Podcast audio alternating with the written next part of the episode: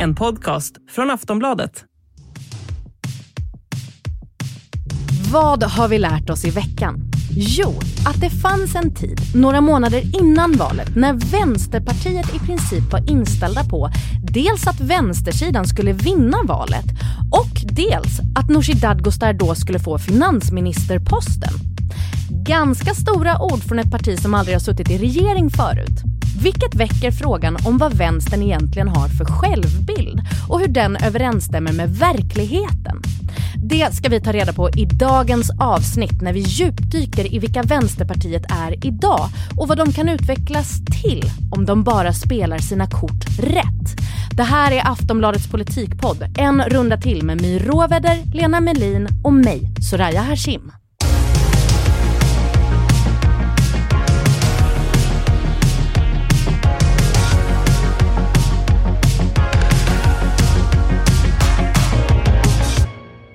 My och Lena, halloj! Hej. Halloj! Okej, så igår kom pushnotisen om att Martin Melin, före detta Robinson-deltagare, blir Liberalernas utrikespolitiska talesperson. Reagera por favor. Jag trodde han var ersättare. Ja, alltså, det trodde faktiskt jag också, så jag, jag är stum. Kan ja, han ska... någonting om utrikes? Är det Robinson-tiden som har lärt honom om utrikes? Du menar att han har varit utomlands? Ja, exakt. ja, det kan vara så. Man vet inte. Är ni taggade på att följa det här? Alltså, jag tänker så här att Fredrik Malm har ju varit Liberalernas utrikespolitiska talesperson i massor med år. Jag tänker bara att han, han, ja, han vill inte veta vem som blev hans efterträdare, höll jag på säga. Mm, mm, mm. Vad tänker ni kring valet från Liberalernas håll? Att de väljer oh, någon slags person som mest är känd någon för att vara slags, känd. Någon slags person. Ja men en person som mest är känd för att vara känd, eller? Men är det inte det som de vill ha? De vill ha någon som, eh, som liksom slår igenom bruset, för det här är ju riksdagsgruppen och det är ju alltid svårt när man sitter i regering att liksom partiet får utrymme. Det här mm. kanske är ett sätt, tänker de, hoppas de, att att han ska liksom kunna slå igenom trots att de egentligen fokuset på Liberalerna ligger i på regeringskansliet. Hade ni valt Martin Melin om ni fick välja till ert parti? Men han, han, kanske besitter för mig helt okända kunskaper. Annars skulle jag helt sådär, utan att veta något, resonera att det är bra om det är någon som har lite hum om hur det ligger till i världen. Men det kanske han har. Vi har alla i detta rum sett SVT-dokumentären Maktspelet där man får följa Vänsterpartiet och Sverigedemokraterna tiden precis innan, under och efter valet. I centrum står såklart Nooshi Dadgostar och Jimmy Åkesson. Och som tittare får vi följa med bakom kulisserna och höra samtal mellan partiledarna och deras medarbetare som jag ibland inte kan fatta att de hade när en kamera fanns i närheten. Framförallt så tänker jag på Vänsterpartiet. Shit, vi kan, vi kan ha flera vildar. Ja, det är lugnt. Alltså, är ni seriösa? Måste vi sitta i förhandlingar hela hösten nu? Det orkar inte. Ja, Nu är det fan kriget. De går över eld och vatten för att rädda Centerpartiet. Så pinsamt. Sånt jag också var med. Han hade, inte, han hade inga nyheter. Hur lyckades han prata i en timme? Det, det var liksom bara en lång uppläsning av en bok. Det skulle ju vara exceptionellt om vi fick finansministerposten. Vilka jävla tittare. Vad tänkte ni när ni såg dokumentären? Vad tänkte du? Jag tänker mycket, men det är ni som är experterna. Jag är bara ett dum-dum som ställer frågor ja, men Jag inne. tycker att det var häpnadsväckande, alltså på riktigt verkligt eh, häpnadsväckande att äh, Vänsterpartiet drevs av ett sånt otroligt övermod i, i, eh, under valrörelsen, att de inte kunde förstå att eh, det eventuellt kunde gå lite dåligt. Och de hade ju liksom redan räknat in sig i regeringen, de satt i regeringen, det var klappat och klart. Det var bara typ frågan om exakt hur många poster de skulle få och, och Nooshi skulle kanske bli finansminister. Alltså det är ju det är som att höra barn eh, på jul, liksom tänka på julafton, ja men jag kanske får 17 prinsessklänningar och tre radiobilar. Ja men alltså det är ju alltid så här, Marie Forsblad har ju gjort en, eh, man ska ju vara tacksam. Hon som har gjort dokumentären. Ja, precis, eftervärlden ska vara tacksam till det här dokumentet för att det är ju väldigt intressant att se. Jag tycker att det speglar framförallt, förutom det som Lena säger som jag ställer mig absolut signera under på det dokumentet som eh, beskriver det på det sättet. Men eh, det som jag tycker att det framförallt visar det är ju skillnaden mellan Vänsterpartiet och Sverigedemokraterna. Att just att Vänsterpartiet bara är sådär Jaha, är han någon som filmar? Medan det är helt uppenbart att Sverigedemokraternas allt är regisserat. De är mycket medvetna om liksom, bilden av dem, de är mycket medvetna om att skapa liksom, en berättelse kring partiet. Det finns ingenting här som inte är tillrättalagt, det finns ingenting här som är liksom, på riktigt egentligen. Inget lämnas åt slumpen Inget åt överhuvudtaget. slumpen och det är väl då kanske den absolut intressantaste skillnaden mellan de här två eh, samarbetspartierna. Men är det att Vänsterpartiet inte fattar eller att de inte bryr sig om vad som kommer ut om dem? Jag tror det är högmod. Ja. Eh, sen, sen var det ju det här då, eh, den här kommentaren vi hörde eh, där någon på Vänsterpartiets kansli eh, säger jävla fittor eller vad det var. Eh, Vänsterpartiet har ju sagt att det absolut inte är Nooshi som säger den kommentaren. Är det någon i det här rummet som tror på det? Nej. Nej. Inte jag heller. Det var så hon. Det var så hon. Jag tyckte det var svårt att se vilken annan tolkning man kunde göra av den där scenen. Mm, ja. Eh, Men, ja, men jag vet inte. dessutom så egentligen så tycker inte jag det spelar så himla stor Nej. roll. Eh, eh, jag tyckte absolut att det var Nooshi Dadgostar som yttrade detta. Det lät som hennes röst och lät som hennes eh, göteborgska. Mm. Men eh, jag, jag tycker inte att det spelar så stor roll, utan jag tycker det är intressant att de överhuvudtaget använder ett sånt här språkbruk när de springer omkring i sina rum där. Med, Med en kamerorna kamera. Ja, där! ja det, alltså det gör ju ännu mer uppseendeväckande därför att då tycker man kanske att man skulle vakta sin tunga. Men, men alltså att man, ja, ja det, det tycker jag, ett, Sveriges första feministiska parti kanske ska börja dra åt eh, tungan, dra in den ibland. Men sen, och det handlar ju också om hur man pratar om sina politiska motstånd, eller inte ens bara, inte ens motståndare. Människor, hur man liksom. pratar om liksom de som man i politiken tänker att man ska samarbeta med och sina motståndare också, hur man pratar om andra partier överhuvudtaget, Ja. är det ju en ganska hårt tonläge.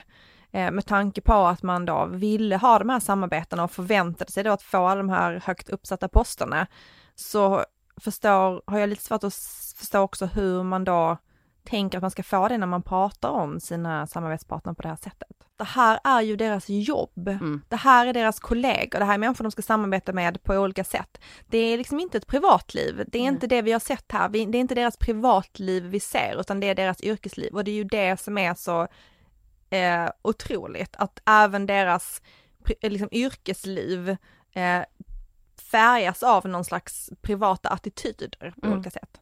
Jag tycker det är intressant att ni båda sa ordet högmod, för för mig var den här dokumentären en tripp tillbaka till 1995 och filmen Seven med Brad Pitt. Ja men den handlar ju om de sju dödssynderna och det snålades ju inte med uttryck under den här dokumentären som osade just högmod, girighet, avund, frosseri, vrede. Och jag vet att vi kan få in både lättja och vällust i det här programmet för idag kommer vi fokusera helt på Vänsterpartiet och frågan vad är det som händer?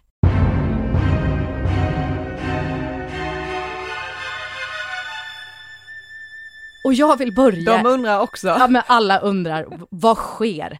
Ehm, jag vill börja i, om man tittar på Vänsterpartiet över längre tid, säg 20 års tid, hur mår de nu, 2022?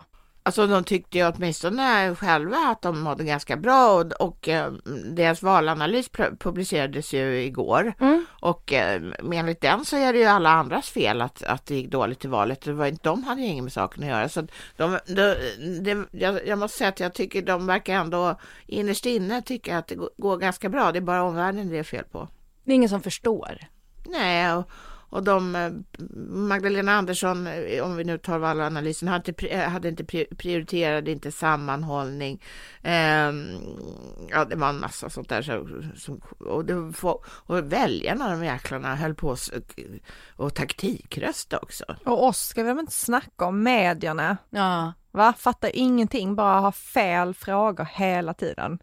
Och Centerpartiet, oj, oj vi får prata mer om det sen kanske, den relationen. Men, men okej, så Den- det här är deras eh, uppfattning, deras självbild, men vad är liksom, Alltså de har ju Vad är en sanningen, otrolig höll jag på att säga, alltså- baksmälla just nu. Som man ju alltid har om man har otroligt högt ställda förväntningar som inte alls infrias när verkligheten är någonting helt annat. Och som alla partier egentligen har när man gör ett jättedåligt val. För det har de ju faktiskt gjort. Mm. Men de tröstar sig med att det gick bättre lokalt och regionalt. Det är liksom, det är plåster på såren och de fattar denna, denna livlina så att säga för att hålla självuppfattningen uppe. Men, eh, men alltså, alltså allvarligt talat så om, om jag bara några sekunder får hoppa tillbaka till den här dokumentären. Det mm. som är den stora skillnaden tycker jag, förutom att eh, det inte är en dokumentär när det gäller Sverigedemokraterna eftersom det är en regisserat samtal hela tiden, eh, utan eh, och, mellan dem och Sverigedemokraterna, det är ju att Sverigedemokraterna är ju, har ju organiserat, de har en tanke om vad de håller på med, medan eh, vänsterpartisterna fladdrar runt som löv i storm mm. och har ingen plan överhuvudtaget verkar det som. Och man kan, man vinner aldrig något på om man är, kommer illa förberedd och det gjorde de. Okej, men om vi då, om vi liksom tar den situationen och lägger den i någon slags 20-årsperspektiv då, alltså har det alltid varit så här i Vänsterpartiet eller har det varit mer tidigare? Det här med att de håller på med själv, liksom kollektiv självterapi, det, det har de hållit på med jämt så jag länge, i alla fall efter Lars Werner och mm. framåt. Mm.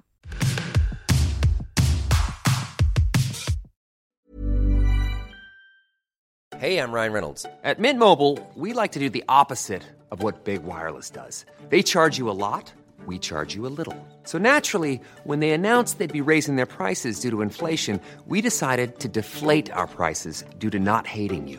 That's right. We're cutting the price of Mint Unlimited from $30 a month to just $15 a month. Give it a try at mintmobile.com slash switch. $45 upfront for three months plus taxes and fees. Promote for new customers for limited time. Unlimited more than 40 gigabytes per month. Slows. Full terms at mintmobile.com. ni pratar om det här med lokalt och så. Var, var är Vänsterpartiets starkaste fästen? Alltså i riksdagsvalet är det ju storstäderna. Det är Stockholm, Göteborg, Malmö. Framförallt Malmö gick det bra i det här valet. Eh, det som, där det går dåligt är ju på landsbygden. Eh, och i, framförallt i norra Sverige. Du vet det där området där Nooshi reste runt och hade bygghjälm och träffade människor. Där mm. går det dåligt. Bygghjälmen. Eh, så att, eh, och sen så är det de starka grupperna, det är ju yngre och kvinnor. Och de är också ganska starka i gruppen arbetare. Men eh, men liksom inte då på landsbygden. Har vi något varför på varför det går bra i just de områdena? Nej men det är de, de har ju de har ju ett självmordsuppdrag som de har gett sig själv. Eh, och det är ju att man vill ha, nå två målgrupper där den ena är unga progressiva väljare, det är de som bor i storstäderna. Och det andra är då typ män i bruksort. Hur man överhuvudtaget kunde tänka sig att, de, att en, ett parti ska kunna tillgodose de här två grupperna, de är ju väldigt, väldigt olika. Mm.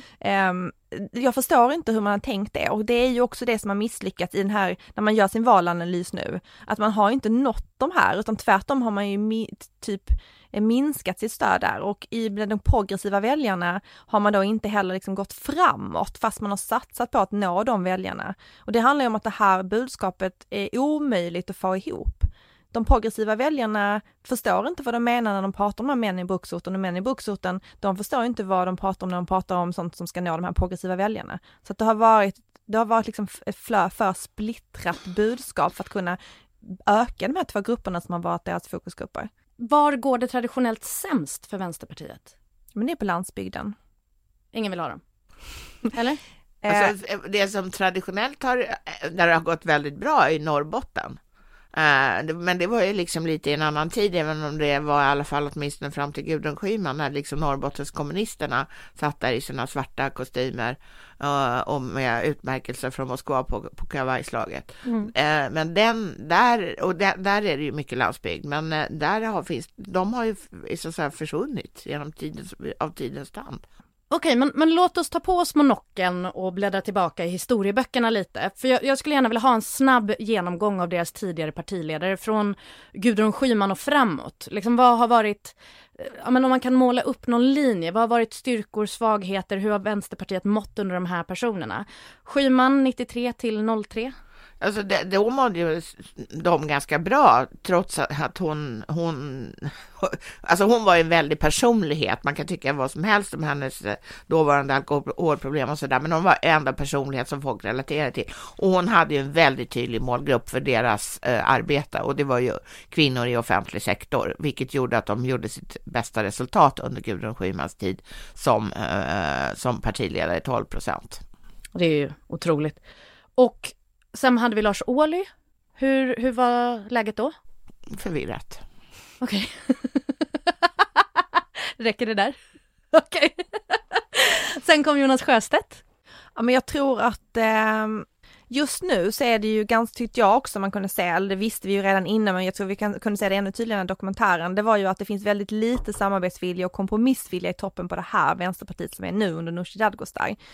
Eh, det är den totala kontrasten och motsatsen till hur det var under Jonas Sjöstedt. Där det liksom kulminerade den här förnedringsklausulen i januariavtalet, att de skulle få noll inflytande fast de var med och, och stödde eller röstade fram en eh, socialdemokratisk regering. Det är ju en väldigt stor skillnad. De har, jag kan också förstå att man behöver göra någon slags eh, uppgörelse med det, för det funkar ju inte heller, det här med att det var den här dörrmattan och att bilden sattes väldigt hårt, att man behöver liksom göra upp med det. För det är ju mer Jonas Sjöstedts eh, alltså vad han har lämnat efter sig, att man, att man gick åt det hållet, man fick ändå igenom viss politik eh, och man var en, eh, inte respekterad. Fast under de här första perioden så fick de ju igenom väldigt mycket när de var ett budgetsamarbete med regeringen. Ja, exakt. Och då ökade de också i valet. Just det, och nu kommer då Nooshi 2020 valdes ju hon till partiledare. Mm. Vad skulle ni säga är den största skillnaden mellan henne och hennes föregångare? En stor skillnad är att hon har sågat av eh, Vänsterpartiets gröna gren. Mm. Och eh, det, det var ju valstrategiskt idiotiskt. Och där har de istället då vurmat för industri, förstår jag. Ja, men eh, de vurmar ju om, liksom om industriomställningen till en, klimatsmart industri och batterier och hela faderuttan och kol utan stål, höll jag på att säga, stål utan kol. Uh, men de här Jens Holm, vänsterpartisterna som hade ett väldigt passionerat förhållande till klimatkampen, de har ju försvunnit. Och det med tanke på att under den här tiden så hade Miljöpartiet väldigt stora problem, så var det ju eh, extra korkat eftersom då kanske de hade kunnat eh, locka över de här eh, miljöpartisterna som eh, ökenvandrade, men de, det gjorde de ju inte. Fast det är ju inte Vänsterpartiets fel. De har bara blivit missförstådda. Ja, ja, ja, ja, ja. de, har bara, de, de har bara inte lyckats. Det finns flera delar i det här, den här lilla löken av, eh, av förfall. Det är ju dels då att de blev missförstådda. Ingen förstod. De hade jättebra idé. Jag är ironisk nu, det är jättesvart på ljud när man inte ser någon. Men det här är deras valanalys.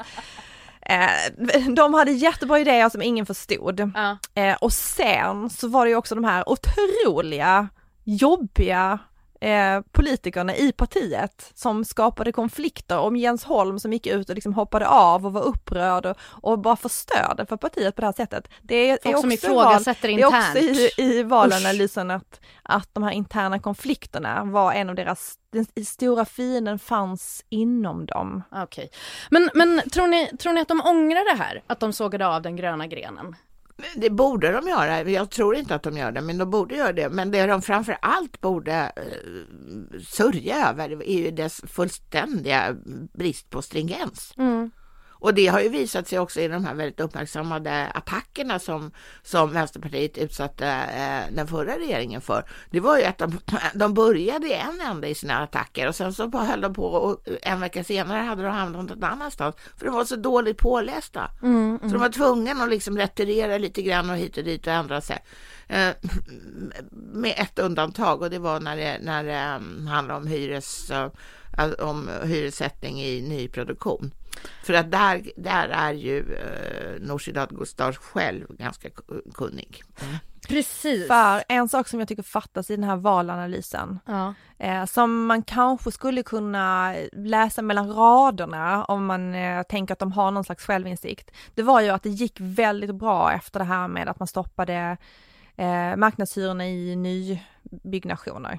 Det här var ju, det här tror jag var också liksom Det var den väldigt... första regeringskrisen när man avsatte Stefan Löfven Och det är Eh, då jag tror många fick upp ögonen för Nooshi för första Exakt. gången. Det var när hon höll och det här gick det talet. bra. Och, Hon syntes, hon märktes, hon, precis som Lena säger, hon var påläst som kunde frågan. Det som fattas i valanalysen, det är ju sen att, att när man fortsatte syssla med den här typen av påtryckningar, att skapa kaos, att skapa regeringskris, att man inte släppte igenom Magdalena Andersson eh, på ett ordnat sätt, utan att man förhandlar de här pensionerna på ett kaosartat sätt, så att det blir en regeringskris igen. Eh, att man sen skapar en ny regeringskris med misstroendeförklaringar när vi närmade oss sommaren. Att det gjorde att människor tröttnade. Och det kanske skulle varit med i den här valanalysen, att de hade en, alltså, de hade liksom peak Nooshi mm. när de hade de där med marknadshyrorna. Och hade de stannat där kanske de hade sett ett annat val, ett, ett annat valresultat. Mm. Men att man är helt, nästan helt osjälvkritiskt fortsätter på det här sättet och sen inte heller kan se att det får konsekvenser. Men hur, jag måste ändå fråga, hur hög är Ikaros-faktorn här? Liksom? Hur, nära flyger, hur nära är de att flyga för nära solen?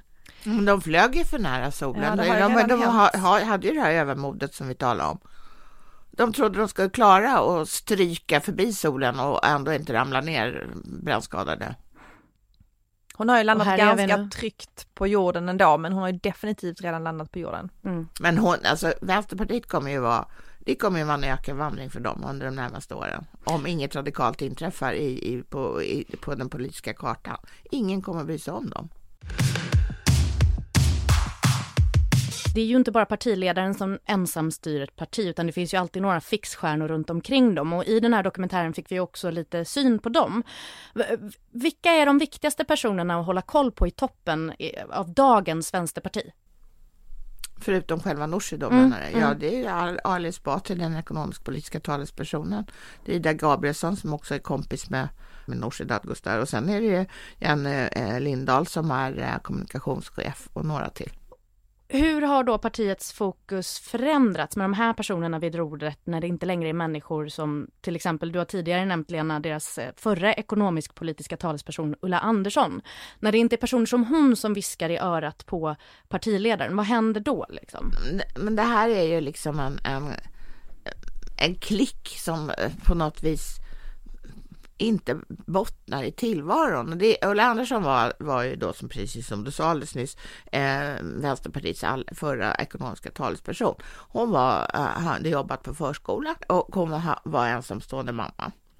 Eh, hon, eh, hennes eh, politiska gärning styrdes av det, av att ha, ha ont om pengar helt enkelt. Att ha den erfarenheten och, själv. Ja, liksom. och eh, därför var ju då de, här- de här framgångarna som eh, Vänsterpartiet eh, ändå rönte i, i sina budgetförhandlingar med regeringen mellan 2014 och 2018, det handlade väldigt mycket om sånt, att det ska vara gla, gratis glasögon för skolbarn, att det 85-plussare inte ska betala något på vårdcentralen och så vidare. Som här väldigt vardagsnära, men för otroligt viktiga grejer för dem som använder de här tjänsterna och har det väldigt knapert.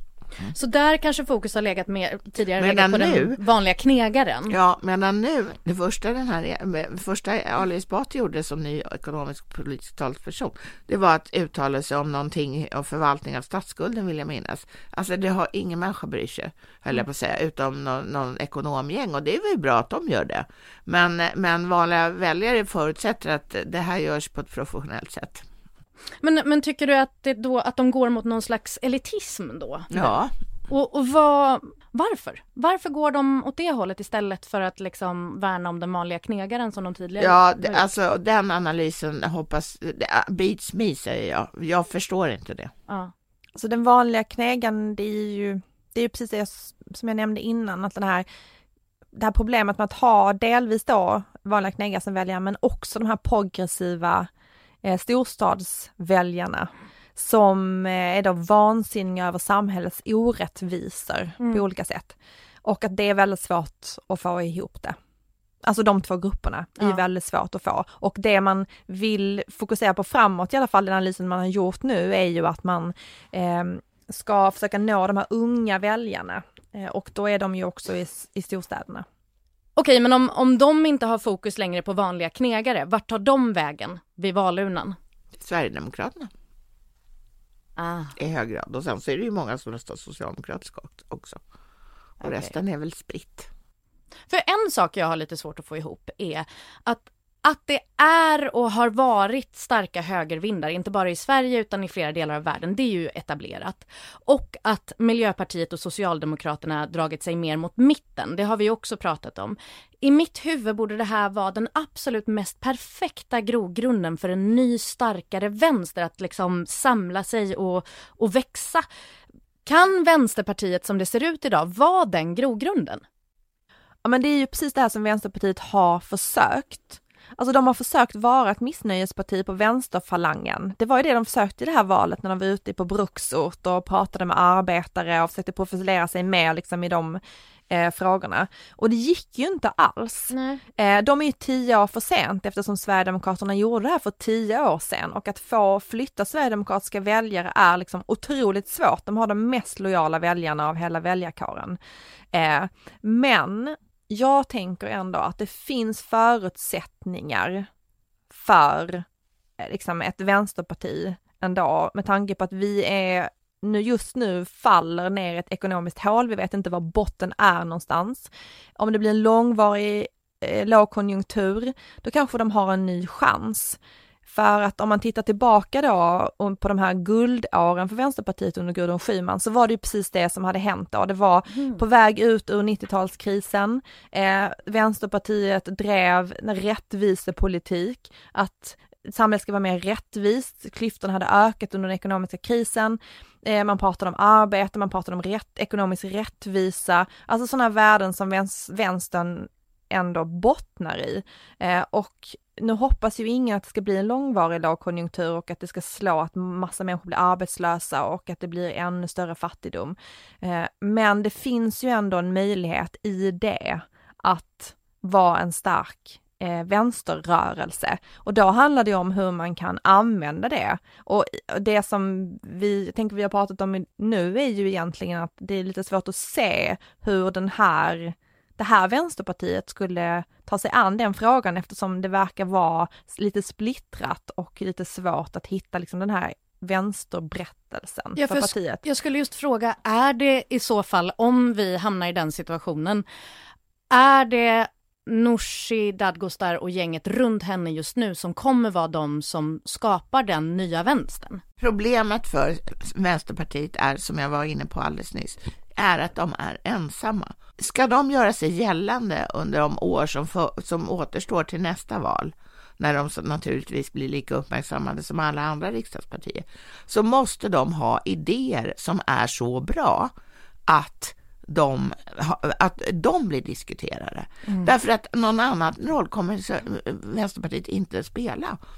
Den nuvarande regeringen med sin samarbetspartner Sverigedemokraterna har egen majoritet.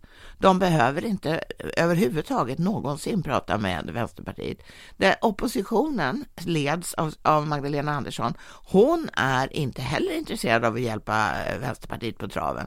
Hon, eh, alltså, de, de, hennes främsta fokus är naturligtvis att se till att eh, Socialdemokraterna växer så mycket som möjligt i nästa val. Och det här understryks ju av att hur, hon har ingen möjlighet Magdalena Andersson och skapa majoriteter för sina förslag. Alltså så kör hon på sin huvudväg och där sitter Nooshi hörn och, och, och fladdrar runt och skriker fitta. Alltså mm. ursäkta mig. Nej, jag, jag hör dig. Nu vet vi inte att det är Nooshi som säger det, men vi Nej. tror det i det här rummet. Och sen är det ju så här att det är ju aldrig bra när det är ett kompisgäng som styr någonting. För att man måste ha nej-sägare i alla typer av konstellationer om man liksom ska utvecklas. Om man bara har ja-sägare kommer man ju ingenstans. Och det är väl lite det som är risken när man Fråga ska... Kanye West. Eh, man kan fråga många människor om det här. Eh, och, men det är väl lite det som är risken när man är så ett sånt här tajt kompisgäng för att vem ska säga nej? Vem ska säga så här, det här ble, blev inte bra? Vem ska säga det här måste vi vara mer självkritiska? Det är mycket svårare. Eh, och det är också svårt om man är ett litet litet parti, för då har man kanske inte möjligheten att vara liksom en bredare grupp. Och om man vill göra förändringar behöver man ju också vara ganska toppstyrda i partiet och de har ju velat göra förändringar. Så att vi får väl se om de eh, mm, lyckas men, liksom bryta upp den här lilla gruppen och kanske ha lite mer dynamiskt styre. Men är problemet att de inte har nej-sägare eller är det att man inte liksom tar nej-sägarna på allvar?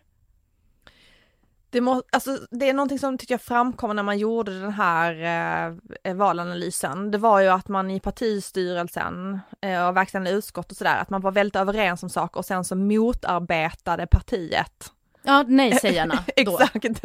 Eh, och det betyder ju att då behöver man ju ha in lite nej-sägare i den här innersta kretsen så att man redan från början vet om att det här kommer inte funka, vi behöver tänka på det på ett annat sätt. Mm. Eh, så att det är ju, det är väl mer det, att nej-sägarna måste finnas överallt i ett parti. Fråga Liberalerna.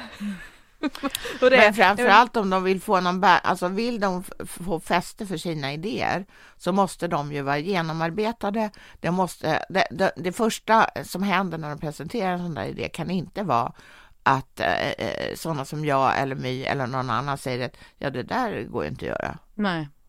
För Eller att, deras egna politiker mm. säger det här ja, är jättedålig Men de kommer inte vara lika snabba som vi. Mm. Mm. Så vem är mest skadeglad när det går dåligt för Vänsterpartiet? Alltså det finns ju två partier som tjänar på att det går dåligt för dem och det är ju Miljöpartiet och Socialdemokraterna, framförallt Socialdemokraterna eftersom man delar väljare på den här sidan. Men nu frågar du ju vem som är mest skadeglad. Mm. Vem, vem, sitter och kluckar nu på alltså sin kammare? Jag skulle säga att det är Centerpartiet som är mest skadeglada. Jaså. För att det finns ju en konflikt mellan de här två partierna eh, som verkligen har liksom blivit infekterad eh, under den gångna mandatperioden. Och jag tror att även om Nooshi Dadgostar och Annie Lööf verkar ha liksom en privat, en trevlig vänskaplig relation, så är det liksom två partier som är så olika och som måste nu samsas på samma planhalva och där man liksom inte kommer överens. Mm. Men Centern har ingen tjäna på det här så att eh, på det sättet så tror jag de är rätt ointresserade av, av, av Vänsterpartiets uppgång och fall. Vem tror du då? Nej men jag vet inte, jag tror inte någon är så skadeglad. Det var snällt. Mm. Hörni, Lena och My, tack så hemskt mycket för idag. Tack. En runda till avrundar för idag. Tack så hemskt mycket för att ni lyssnar. Vi som har gjort programmet är producent Olivia Svensson, experter My Råväder och Lena Melin och jag heter Soraya Hashim. Ha det fint, vi hörs nästa vecka.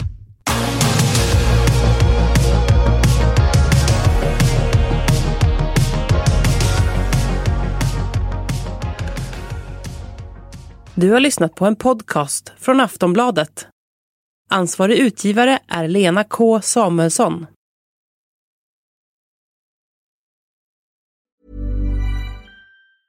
Hej, jag Ryan Reynolds. Recently, I asked Mint Mobiles legal team if big wireless companies are allowed to raise prices due to inflation. They said yes. And then when I asked if raising prices technically violates those onerous two-year contracts, they said, "What the f*** are you talking about? You insane Hollywood ass." So to recap, we're cutting the price of Mint Unlimited from $30 a month to just $15 a month. Give it a try at mintmobile.com slash switch. $45 up front for three months plus taxes and fees. Promo for new customers for limited time. Unlimited more than 40 gigabytes per month. Slows. Full terms at mintmobile.com.